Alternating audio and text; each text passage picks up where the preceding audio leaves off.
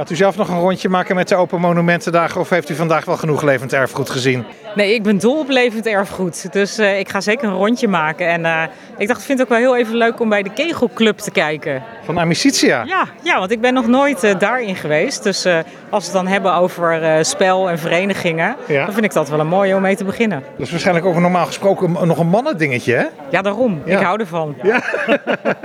dus dat, dat wordt in ieder geval eentje om te bezoeken. Het lijkt me, het lijkt me een goede start, ja.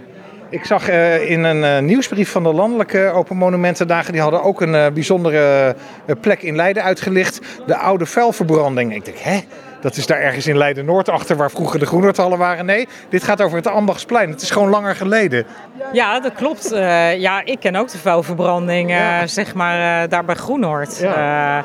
Ja, nee, dat, dat klopt. Die hebben we natuurlijk ook gehad aan de Lange Gracht. En het Ambachtsplein is nu een plek waar nou ja, Bam Bam en Pronk natuurlijk uh, mooie dingen maken. En waar we juist in de toekomst ook met een makershuis weer aandacht willen voor uh, alle ambachten in Leiden. Uh, en dat is natuurlijk ook een van de onderwerpen die nu bij de Open Monumentendag ja, in beeld gebracht wordt. Door middel van panden, maar ook met verhalen. Mooie tip dus dat. Zeker mooie tip. Alexander Geertsema, voorzitter van de Open Monumentendagen in Leiden. Jullie hebben weer een mooie plek uitgezocht om het boekje te presenteren, want waar zijn we? We zijn bij Ars Emula Nature, de kunstenaarsvereniging eh, in Leiden aan de Pieterskerkgracht. Is dit ook een van de plekken die opengesteld eh, zijn tijdens de Open Monumentendagen? Ja, wij, wij combineren dat altijd dat de boekpresentatie is in een pand wat open is. En zij zijn 19 eh, september open.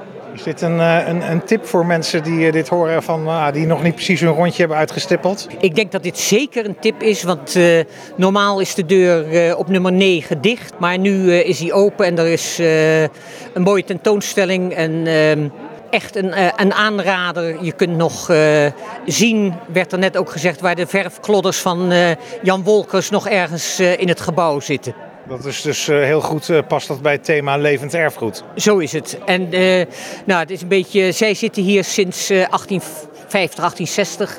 Maar de vereniging is al uh, veel ouder. Wat gaat u zelf doen met de Monumentendagen? Heeft u al een uh, route uitgestippeld?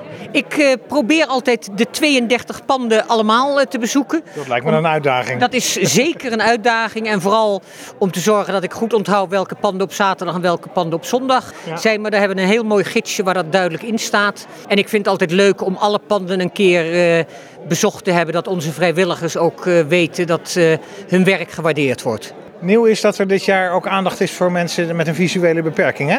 Ja, ons comité landelijk geeft altijd uh, mee van... we uh, zouden het leuk vinden als jullie iets doen aan een bepaalde beperking. En dit jaar is dat voor blinden en slechtzienden.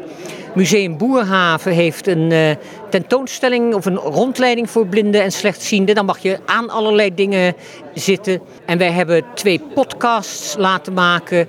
Eén over de bijen en de imker in de hortus.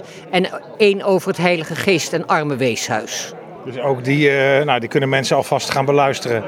Ga naar uh, www.omdleiden.nl en daar uh, vindt u ze en dan zijn ze afluisterbaar.